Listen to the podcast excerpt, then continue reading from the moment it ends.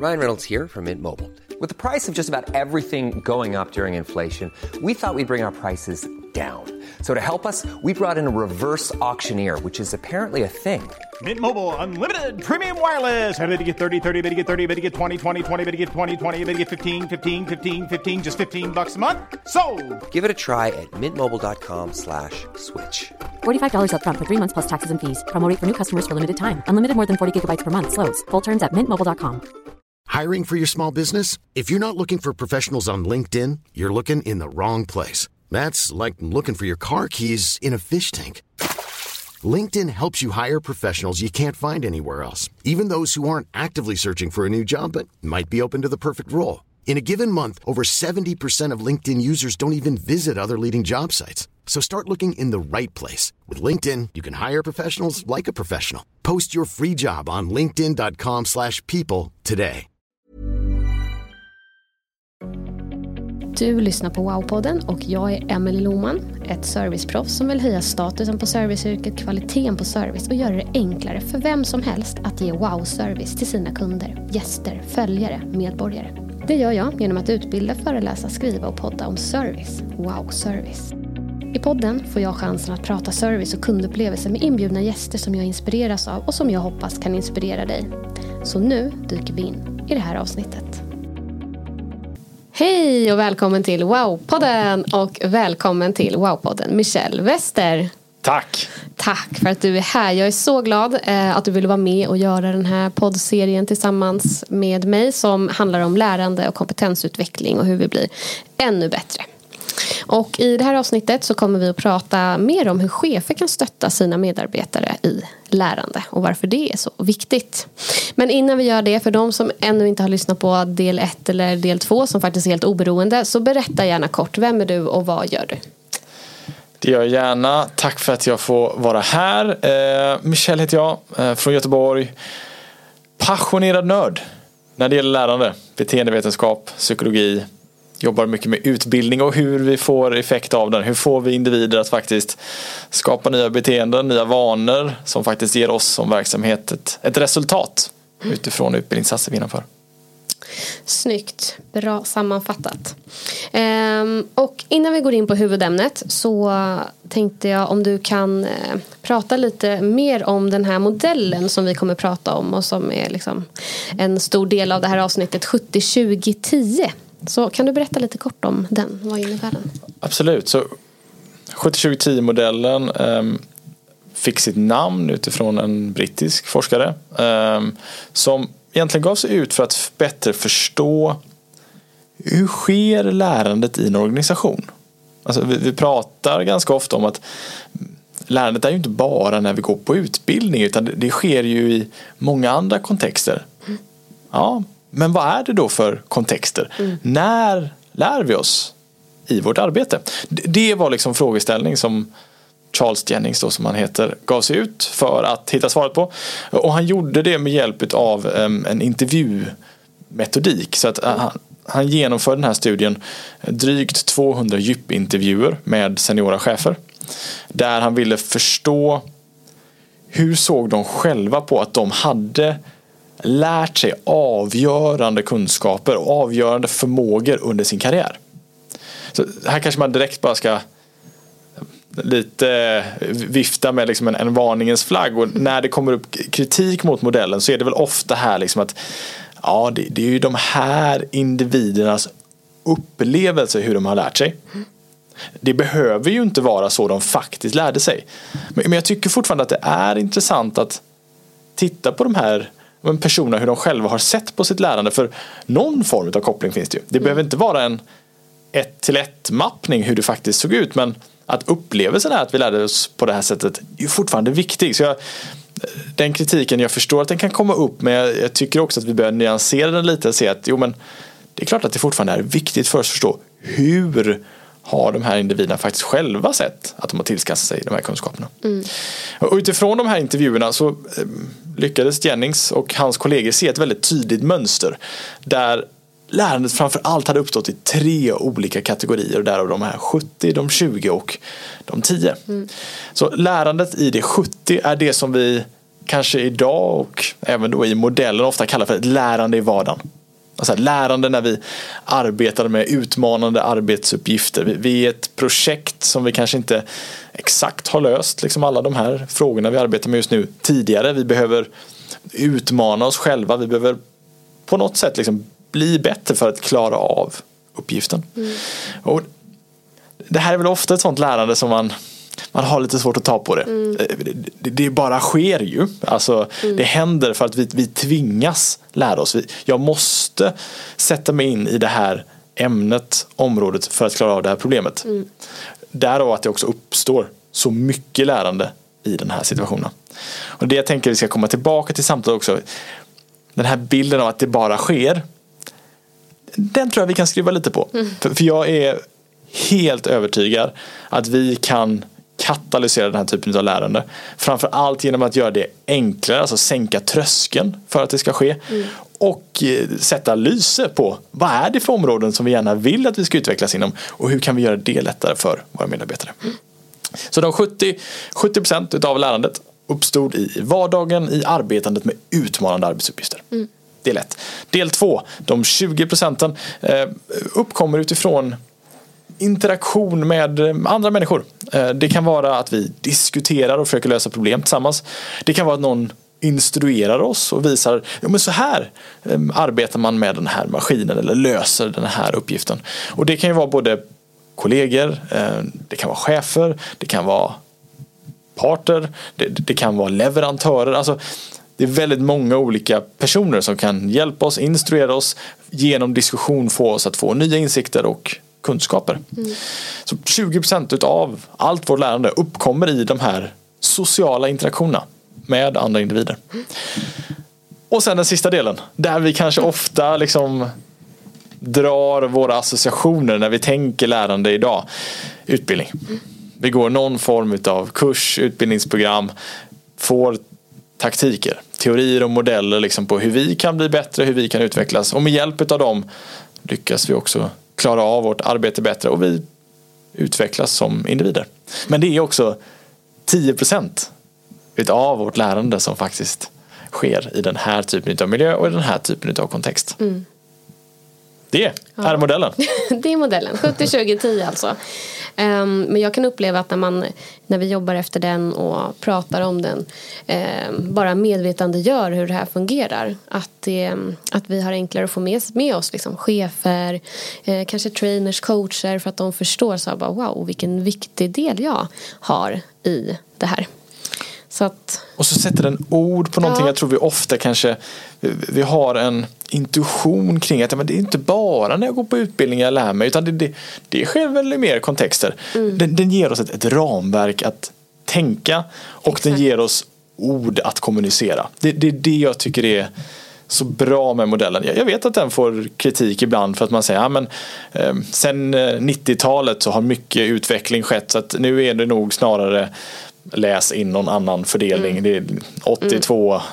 13. Och det, det är det här som är modellen är intressant oavsett vilka siffror. Exakt. Siffrorna är egentligen ovidkomliga. Alltså, det spelar ingen roll om det står 70 eller om det står liksom 82. Mm det är att vi förstår, precis som du är inne på nu, att lärandet sker inte bara i kontexten när vi är i en utbildningssatt. Det är när vi arbetar i vår vardag. Det är när vi kommunicerar, diskuterar saker med vår chef. Och alla de här sakerna måste stötta varandra. Mm. När vi gör en utbildningsinsats så måste vi se till att vi möjliggör ett lärande i vardagen, de 70, runt omkring den här utbildningsinsatsen. Mm. Och vi måste se till att de 20 finns på plats runt omkring utbildningsinsatsen. Att, att chefen som vi pratade om i förra avsnittet är involverad och engagerad. Att chefen får verktyg för att vara det så att det blir konkret för chefen. Vad gör jag då mm. när min medarbetare är på utbildning? Mm. Hur är jag den bästa möjliga chefen för mina medarbetare när de ska utvecklas? Exakt och jag brukar tänka på också som en när man spelar fotboll, eller liksom, vilken sport som helst så får man ju teori och sen så går man ut och spelar och teorin är ju precis som en utbildning oftast mycket kortare stund än vad själva träningen är. För du tränar ju inom service, du kan ju träna i varje samtal jättestor procent av din tid ja. om du jämför med en utbildning. Och så har du ju coachandet och feedbacken som du får av en tränare eller kanske en kollega. Så att eh, jag gillar den eh, också och då, ja, jag gillar att ta den modellen och kunna designa kring den. För jag tycker det blir eh, tydligt vilka man ska involvera och sen hur man ska liksom lägga upp eh, designen av hela utbildningsprogrammet. Och alla kan förstå den direkt. Ja. Alltså, vi behöver inte ha någon eh, liksom, tidigare erfarenhet kring att ha jobbat med utbildning eller lärande. Det är en modell som vi för vem som helst kan presentera och vem som helst direkt, ah, jag fattar. Mm. Nice. Mm. Och, och, det finns en otrolig potential i den typen av modeller som alla direkt intuitivt förstår. Mm. Och, och, det bör vi oftare dra nytta av i liksom design av våra utbildningssatser. För att också bara belysa att ja, när vi gör en, en, utbildningsinsats så är det inte bara när du går in och, och sätter dig liksom om vi är ett fysiskt klassrum. Det är inte bara här och nu som du jobbar med lärandet i den här utbildningen. Lärandet började för en vecka sedan. Du vet när du fick den här filmen på mig när jag presenterade mig. Där började ett så vi började liksom ett, det här fröet liksom växa. Sen var nästa steg i lärandet där du också fick lyssna på den här podcasten kring hur vi jobbar med coachande frågor mm. för tre dagar sedan. Nu kommer vi träna på de sakerna. Så modellen hjälper oss att få våra ja, deltagare att förstå att det, det här är inte som i skolan. Det är inte där vi går in i ett klassrum och en lärare bara förser oss med någon information om mm. tidigare kungar eller annat utan Exakt. lärandet ser ut på ett annat sätt. Vi kommer jobba med lärandet på ett helt annat sätt. Mm. Och hur kan då cheferna stötta sina medarbetare i lärandet? Vad innebär det liksom rent praktiskt, tidsmässigt? För det kan ju låta som en jättestor grej kanske ja. och du vet tiden bara rinner iväg och dagarna går och ja. Och det här tror jag är där det, det ofta låser sig för oss när vi pratar om chefens roll, chefens engagemang i sina medarbetares lärande. För att det blir ofta väldigt stort. Vi kommer ofta tillbaka till liksom den teoretiskt optimala världen. Vad gör chefen då? Och, vi inser ganska snart att det där, det där är inte möjligt mm. i våra chefers vardagar idag. Och det är inte heller det teoretiskt optimala vi bör eftersträva. Det vi ska eftersträva det är ju att vi får ett resultat. Vi får en effekt utav den här utbildningsinsatsen och den behöver vi först och främst ha tydligt konkretiserat. Varför gör vi utbildningen? Vad vill vi att det här ska leda till? Bra, vad behöver då komma på plats för att det där målet som vi har mm. faktiskt uppnås. Mm. Och ofta så är det, precis som du är inne på här, det är de små sakerna som cheferna gör som verkligen är skillnaden som gör skillnaden. Mm. Det, det, är att chefen ett par dagar innan utbildningen bara Du, nästa vecka så är det ju den här utbildningsinsatsen nämligen. Kan inte vi bara ta, ta fem minuter kanske på fredag eh, och sitta ner och prata om ja, men, vad är våra förhoppningar, vad, vad ser du fram emot och hur kan jag ge dig rätt förutsättningar att vi börjar arbeta utifrån det här när du kommer tillbaka. Bara liksom lite kort, jag ska inte ta för mycket tid av dig. Det, det är de här sakerna som är skillnaden som gör skillnad. Mm. Eller att dagen innan utbildningen skicka ett sms. Lycka till imorgon. Det är en nyfikenhet, ett intresse. Det här är saker som gör skillnad. Mm. Samma sak dagen efter du kommer tillbaka. Kom in, kom in på mitt rum eller kom hit. Kan inte du bara berätta lite kort. Hur var det igår? Vad är en sak du tar med dig? Vi är tillbaka till intresset, till nyfikenheten. Mm. Det är det som gör att jag också som, som medarbetare förstår att det är prioriterat. Mm. För, för det som min chef är intresserad och nyfiken kring det vet ju jag är viktigt. Det är också det jag kommer att fokusera på i mitt arbete i min vardag. Här, de små sakerna gör skillnad. Och det är signalerna vi sänder här som verkligen är viktiga. Jag belyser detta, jag visar det här är prioriterat, jag vill att du ska lägga tid på detta. Sen behöver vi kontinuerligt fundera kring hur gör vi det enklare då för våra medarbetare att lyckas ta de här första stegen. Men ställer olika typer av coachande frågor till dem. Vad är en sak du nu tänker att du ska göra första veckan när du kommer tillbaka från utbildningen? Lite längre fram kan man kanske passa på. Vad, vad är en sak nu de senaste två veckorna efter utbildningen som du känner att du är verkligen stolt över att du har fått gjort och att vi är på rätt spår kring? Den typen av frågor som hjälper mig att reflektera Hjälper mig att kanske sätta små nya steg jag behöver ta och titta på saker jag gjort och känna framsteg.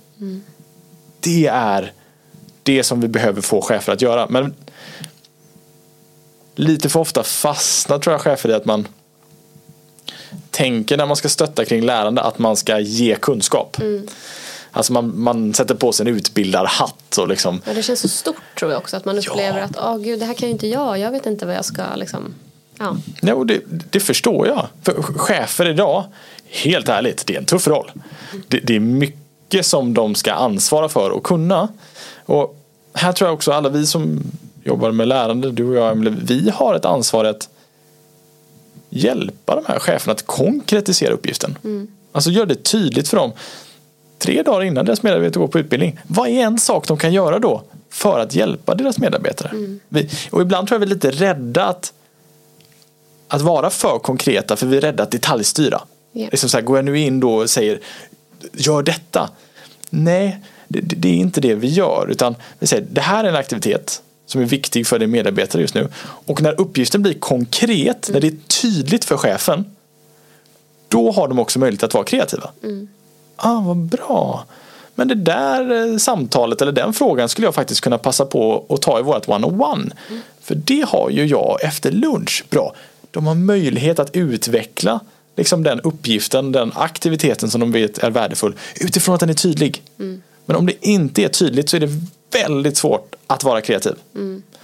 Så vi, vi behöver lite tror jag släppa den här rädslan av att detaljstyra för det är, in- det är inte det vi gör. Vi sänker tröskeln, vi gör det tydligare och enklare för våra chefer att lyckas. Och det är, jag lovar er, det de eftersöker. Ja. De vill veta vad ska jag skriva på min att göra-lista. Exakt, verkligen. Och för det kan jag också uppleva att många chefer säger Säg bara vad, vi, vad ska jag göra för någonting? För att de har så mycket, de ska vara kreativa, de ska problemlösa, de ska lösa situationer. Om någon bara kan göra något som förenklar och hjälper mig som chef, snälla ge mig det. Eh, så att om man skulle ha ett det skulle vara jätteskönt om man hade liksom ett frågebatteri typ med frågor man kan ställa. Och sen så kan man ju alltid använda sin typ outlook och lägga in, ja men nu ska de här medarbetarna gå. Så direkt när man får reda på det då har man som vana att bara in, lägga en reminder dagen innan, så här, släng iväg ett sms liknande det här med någon fråga. Eh, bara för att komma, jag vet själv hur liksom, finns det inte i kalendern då, då är det lätt att det liksom Ja. inte händer. Ja. Så att, eh, ja. Och tycker man att det blir svårt med eh, de här Outlook-notiserna till sig själva så berättar jag gärna vad Noli gör. Så bra. Det finns såklart andra lösningar. så quick fix. Nej men eh, super. Ehm, innan vi avrundar så undrar jag om du eh, vill dela någon typ av frågeställning, övning, reflektion. Någonting som lyssnarna kan ta med sig och ställa sig kring det vi har pratat om i det här avsnittet. Nej, men, vi, har, vi har kommit tillbaka till det ett par gånger under våra samtal. Eh, vikten av att liksom komma ner till en sak. Eh, och, jag tror att det är någonting vi har väldigt stor vinning av att göra här. Nu, pratar vi om att det är viktigt att chefen engagerar sig innan. Vad är en sak? Om, du bara får chefen att göra en sak inför deras medarbetare ska gå på en utbildningsinsats. Vad gör chefen då? Du måste prioritera, du måste bara välja en. Vad gör den då? Samma sak efter. Om chefen gör en aktivitet i uppföljning, vad gör den här chefen då? Och se till sen då utifrån de två aktiviteterna, före och efter, när du har dem tydliga, hur kan du göra det lättare för chefen att lyckas med det? Alltså hur kan du sänka tröskeln för chefen att lyckas göra den där saken som är absolut viktigast att de gör inför och absolut viktigast att de följer upp med efteråt. Och är det en chef som lyssnar nu så kan de ta till sig och tänka själva. Vad är det jag kan göra Ja. innan och efter? Och gör bara en. Ja, gör bara Hur taggade ni än må vara på att se alla de här fem, tio sakerna som man skulle kunna göra. Börja Gör en. med en och sen ser man att det funkar och så kan man koppla på att det är en bra grej. Det är en bra grej. Ja, super. Du, stort tack Michelle för att du var med idag och att du har varit med i de här eh, avsnitten som man kan lyssna på. De är ju eh, inte i inbördes ordning så man kan lyssna på dem eh, i vilken ordning man vill. Men hur kommer man i kontakt med dig? Enklast LinkedIn skulle jag säga. Skriv meddelande där. Man får jättegärna mejla mig, michelle.noli.com. Eh, Men LinkedIn är nog eh, lägst trösklar skulle jag säga. Och eh, ni på Noli, ni bloggar ju och gör allt möjligt, eller hur? Det gör vi. Det kan man ju också spana in. Har ni LinkedIn också? Vi har LinkedIn också. Ja. Och en nylanserad blogg som är två veckor gammal tror jag. Ja, snyggt. Den jag redan spanat in. Men tusen tack Michelle. Tack själv för att jag fått med. Det var jättekul. Detsamma och tusen tack till dig som har lyssnat. Tack för att du har lyssnat på Wow-podden. Om du gillade det här avsnittet så får du jättegärna dela och sprida podden till fler. Kom också ihåg att du kan prenumerera så att du får information direkt när nya avsnitt släpps så att du inte missar något. Vill du komma i kontakt med mig så når du mig på emily.wowservice.se. Gör dig nu en fantastisk dag så hörs vi snart igen. Hi, I'm Daniel, founder of Pretty Litter. Cats and cat owners deserve better than any old fashioned litter. That's why I teamed up with scientists and veterinarians to create Pretty Litter. Its innovative crystal formula has superior odor control and weighs up to 80% less than clay litter. Pretty Litter even monitors health by changing colors to help detect early signs of potential illness. It's the world's smartest kitty litter. Go to prettylitter.com and use code ACAST for 20% off your first order and a free cat toy. Terms and conditions apply. See site for details.